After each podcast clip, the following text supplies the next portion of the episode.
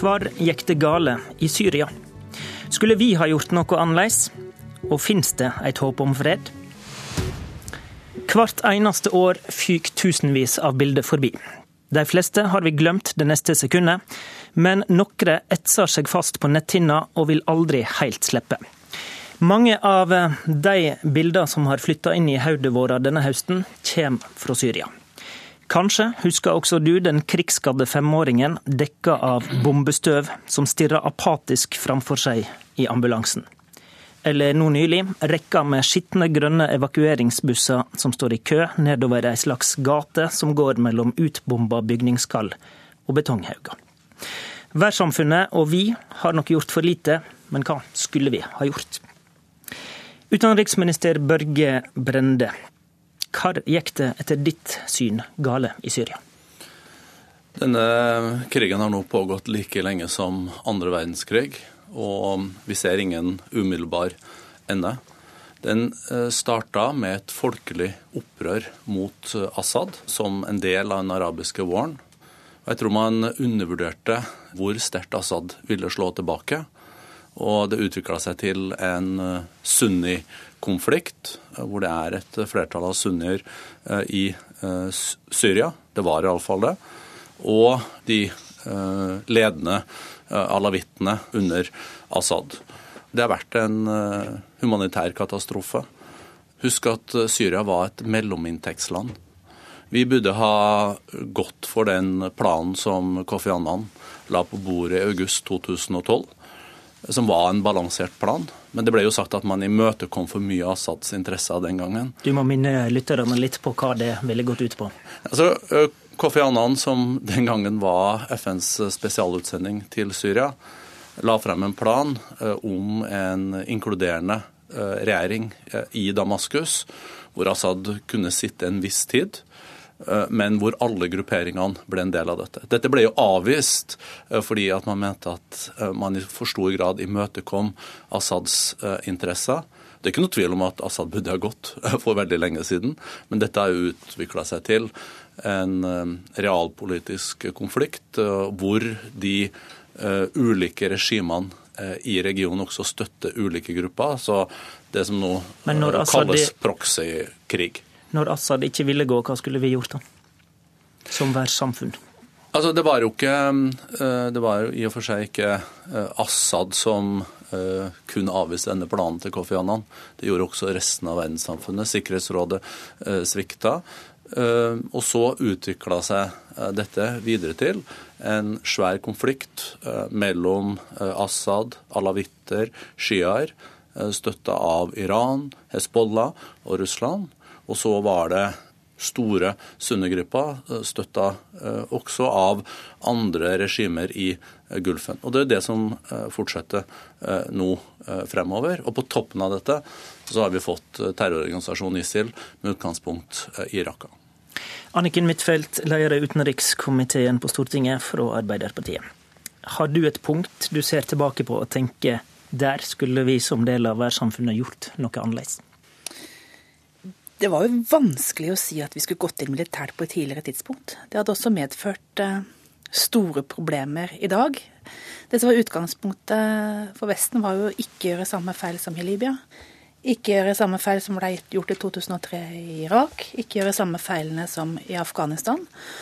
Og Derfor så var det en veldig stor tilbakeholdenhet både å gå for en avtale som innebærer at Assad skulle ha en rolle, men også bruke militær makt. Så dette blir jo en sånn håpløst historisk eksempel på hvor galt det kan bli når man ikke gjør noe. Like mye som det som skjedde i Libya, blir en eh, påminnelse på hvor galt det kan gå når man går inn og bruker militærmakt. Men det som ledende politikere sa for en del år tilbake, var at det var utenkelig å se for seg en løsning hvor eh, Assad skulle ha en rolle. Nå... Tenker du at vi burde gått inn militært da, når du formulerer det slik? Det ble jo truet med bruk av militærmakt uten at man gjorde det. Det er jo kanskje det verste. Hvis man truer med bruk av militærmakt, så bør man gjennomføre det. Men det, som er det verste i denne regionen, er jo at relativt moderate sunnimuslimer har støttet ISIL fordi de har blitt angrepet av Assad-regimet. De har ikke følt beskyttelse fra regjeringen i Irak. Og dermed så har ISIL fått en altfor stor oppslutning. Og det er eh, ikke bare et problem i regionen, men et problem for hele Europa. Brende, når det ble truga med militærmakt, burde en da fulgt det opp, som Huitfeldt sier? Fra 2012, eh, da Kofi Annan fremla sin plan, frem til at man fant eh, masseødeleggelsesvåpen, kjemiske våpen, og at Assad brukte de mot sitt eget folk, gikk det en del tid. Ehm, president Obama sa jo at eh, der gikk det en rød linje. Mm. Så valgte man, ehm, og, så valgte man eh, å ta ut de kjemiske våpnene i stedet for å gå til angrep. Jeg eh, tror at, og er veldig åpen for, at man nok burde ha vurdert enda nærmere og tatt ut deler av Assads flyvåpen etter at eh, disse masseødeleggelsesvåpnene ble avdekka. Og jeg tror også, som eh, mange har tatt til orde for, at man også burde ha etablert såkalte sikre soner på et tidligere tidspunkt. Men det hadde krevd en militær eh, operasjon med de eh, også potensielle negative følgene som Huitfeldt var inne på. Nå eh, ropes det fra de som har vært mest skeptisk til engasjement eh, militært, både i Irak, i Afghanistan og Libya, eh, ropes det om at man burde ha vært tidligere inne med et vestlig engasjement eh, i Syria. Så det er mange dilemmaer i dette, men jeg mener at en rød linje må være en rød linje. Den går ved masseødeleggelsesvåpen. Og dette med sikre soner. Og holde Assads flyvåpen nede. Det er flyvåpenet hans som har vært i stand til å f.eks. slippe disse grusomme tønnebombene som har drept hundretusenvis av sivile, sammen med andre operasjoner. Bård Vegar eh, Solhjell, utenrikspolitisk talsmann i, eh, i, SV. Formuleringene jeg brukte i innledninga er skamløst henta fra en kronikk du skrev i Bergens Tidende før jul. Du skrev 'Vi har gjort for lite, men hva skulle vi ha gjort'? Og så eh, har du i denne kronikken peka på Libya som et viktig bakteppe for Syria. Hvordan? En av de tingene som spilte en rolle i startfasen, det var at det var en spesielt sterk mistillit fra uh, Russland og jeg vil legge til Kina, uten at de er så dominerende, uh, overfor USA og vestlige land etter Libya-krigen. Fordi når man gikk inn i Libya med et mandat om å beskytte sivile, så ble det etter hvert strekt. Mange mener det ble brutt. Uh, Russland aksepterte jo ved å stemme avholdende til det Eh, at man gikk inn, så uh, gikk de sterkt imot det sammen med store deler av verden etter hvert, når det ble et regimeskifte. Og jeg tror at uh, man da var i en situasjon i Syria at det var mye dårligere grunnlag for noen form for internasjonalt samarbeid om Syria. For øvrig så tror jeg det, det er gode analyser i, i, studio her. Jeg er mer i tvil om det hadde vært klokt av Barack Obama og USA å bruke tung militærmakt i Syria. Eh, jeg tror man fort kunne stått i en enda mer kaotisk eller like kaotisk situasjon da. fordi det var, så, det var, ikke noe klart bilde å gå inn i. Det var ikke noen enhetlig opposisjon. Det var ikke noe som kunne settes i verk. og Det, det krevd sannsynligvis store bakkestyrker. Det viser vel egentlig hvor, hvor, vanskelig situasjonen i Syria er, og hvor maktesløse vi har vært. Men La oss ta Libya-delen av analysen din. Eh, Brende, hvordan ser du på Solhjell sin analyse av Libya som et bakteppe for at vi ikke klarte å bidra i Syria som verdenssamfunn? Jeg tror det er en av eh, flere elementer. De overlegningene som var knytta til Libya. Jeg kjenner jo Solhjell og Huitfeldt bedre til, de satt jo i regjering på det Eh, tidspunkt. Jeg bare vil legge til at eh, jeg heller ikke uh, tatt til orde for at man burde ha gått inn stort militært, hvis man fikk det inntrykk. Jeg tror nok at man i etterpåklokskapens klare lys kunne ha reagert enda kraftigere da Assad begynte å bruke masseødeleggelsesvåpen mot sitt eget folk, gjort noe med flyvåpenet hans. Eh, og kanskje dette med eh, sikkerhetssoner. Men jeg trekker ingen konklusjoner, for dette er komplisert. Og så kan du si at eh, Russland fylte jo det vakuum som oppsto de så jo sitt snitt i å sende 50 jagerfly, 6000 russiske soldater. Nå er det jo etablert. Og nå, like før jul, så har Assads allierte Russland, sammen med Iran og Tyrkia, blitt trioen som prøver å ordne opp i Syria og få i stand en fredsprosess.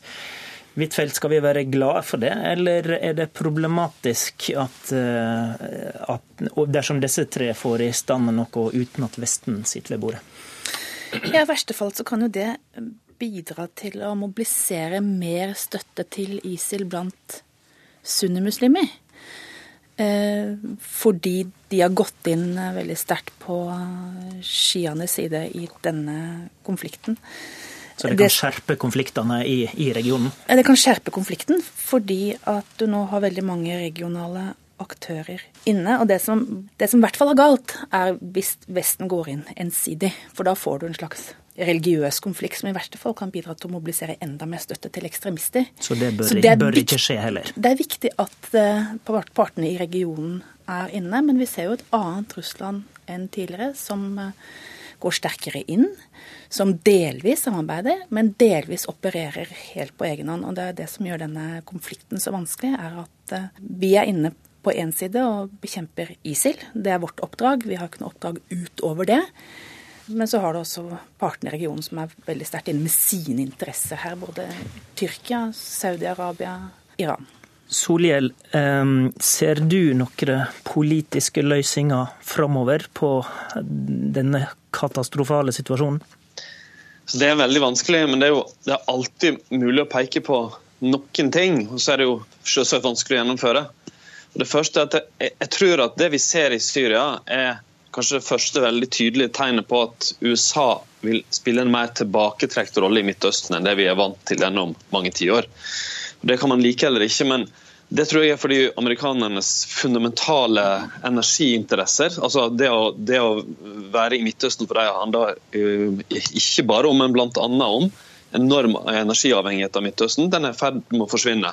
Og jeg tror litt Uavhengig av hvem som er president, og sånn, at det betyr at hvis den vestlige verden ønsker å være en av aktørene der, så må nok Europa ta mer ansvar. Hva slags ansvar da, Solhjell? altså politisk ansvar for løsninger, eh, og for den saks skyld òg eh, dersom noen skulle, det skulle være situasjoner der man brukte eh, militærmakt. Men jeg snakker først og fremst om politisk og humanitært ansvar. Det er jo hit òg flyktningstrømmene kommer. Så at Europa må engasjere seg sterkere politisk i Midtøsten og i Syria, er det første. Det andre er hvis, det er et sted Norge kan være en leder, kan bety noe, så er det humanitært. Og Regjeringa i Norge har heldigvis gjort veldig mye eh, eh de siste årene humanitært. Det, det, er potensial for å gjøre enda mer, og for, ikke minst for å få med seg flere europeiske land. Her var det mange utfordringer til Brende, men la oss ta dette med å spille ei politisk rolle, Brende. Det politiske sporet er åpenbart viktig. Hvem anerkjenner egentlig vi som Syrias legitime representant? Først må jeg si at eh, det er FN-sporet som er eh, det viktige. Eh, Stefan de Mistura har innkalt nå til nye forhandlingsrunder i Genéve 8.2. Eh, det er viktig. Astana-sporet til eh, Putin, Tyrkia og Iran. Det vil nok være et møte der også, men vi må satse på FN. Og Formelt sett så er det jo Damaskus som nå også fortsatt er regjeringa i Syria. Men når det gjelder det humanitære Så vi forholder oss til Assad som den legitime eh, politiske representanten? Jeg, jeg, vil ikke, jeg, vil ikke, kalle det legitimt, men uh, det er nå han som er president, iallfall inntil uh, videre. Men til det humanitære så er jo Norge den femte største giveren. Og dette skal vi fortsette med, samtidig som skal støtte opp en FN-leda orden og en FN-leda fred. Så det politiske sporet må skje i FN-regi og ikke hos Russland, Tyrkia og Iran? De uh, har en stort, stort ansvar Eh, når det gjelder eh, å gi ryggdekning for Assads eh, fremferd i Syria. Bruk av tønnebomber, bruk av masseødeleggelsesvåpen. Huitfeldt til slutt. Vi er nødt til å ta, som Solhjell sier, et større ansvar i denne regionen. Men bare husk for noen år siden. Da snakket vi om å gå ut av Afghanistan. Vi trodde at terroren skulle avta i Irak straks amerikanerne trakk seg ut. Vi må innse at går vi inn militært, så må vi være der over tid. Og vi må også forstå at vi ikke må bidra til å mobilisere oppslutning omkring isvil ved vår tilstedeværelse. Derfor er det sunniaraberne sjøl som må ta denne kampen, og det må vi bidra til. Politisk, men også gjennom militær trening og andre ting. Og det tror jeg kommer til å bli en stor oppgave for Vesten eh, i årene som kommer. Takk til utenriksminister Børge Brende, takk til Anniken Huitfeldt og til Bård Vegar Solhjell. I studio var Håvard Grønli.